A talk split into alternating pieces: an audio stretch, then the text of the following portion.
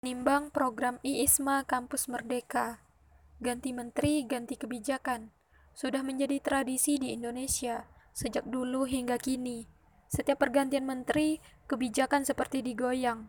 Setiap menteri baru memiliki kecenderungan yang sama untuk mengubah arah kebijakan ketika awal masa jabatannya, dengan dalih untuk menyesuaikan arah perkembangan kehidupan yang beragam. Menteri Nadiem Makarim menjelaskan Kebijakan Kampus Merdeka merupakan kelanjutan dari kebijakan Merdeka Belajar. Kebijakan Kampus Merdeka ini ditujukan untuk lingkup perguruan tinggi. Kebijakan Kampus Merdeka yang mengusung tema belajar di luar prodi di berbagai perguruan tinggi luar negeri ini layak mendapat sorotan dari beberapa aspek, yakni kuliah untuk bekerja, hilang fokus, dan ancaman ideologis. Lantas, bagaimana kondisi pendidikan saat ini? Kurikulum berganti-ganti setiap periode, membuat kita lupa tentang pendidikan karakter yang masih terjebak dalam dunia komersialisasi. Sekolah hanya sebagai batu loncatan saja. Orientasi setelah lulus kuliah hanya untuk bekerja sesuai dengan bidang studinya.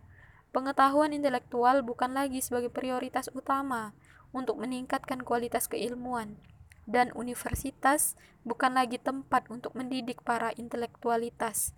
Pendidikan hanya dijadikan sebagai batu loncatan untuk memasuki dunia kerja. Sedangkan misi pendidikan tinggi dalam Islam memiliki tujuan yang jelas, yakni misi dan tujuan utama pendidikan tinggi dalam sistem Islam adalah untuk meningkatkan kualitas kepribadian yang sudah terbina sebelumnya di jenjang pendidikan dasar menengah.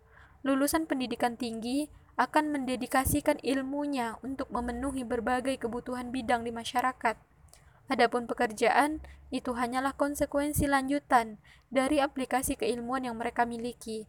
Maka jelaslah, pendidikan dalam Islam akan melahirkan sumber daya manusia mumpuni, berkompeten, dan mampu memenuhi semua ruang kebutuhan masyarakat.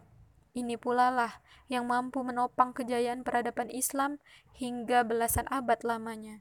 Wallahu alam bisawab.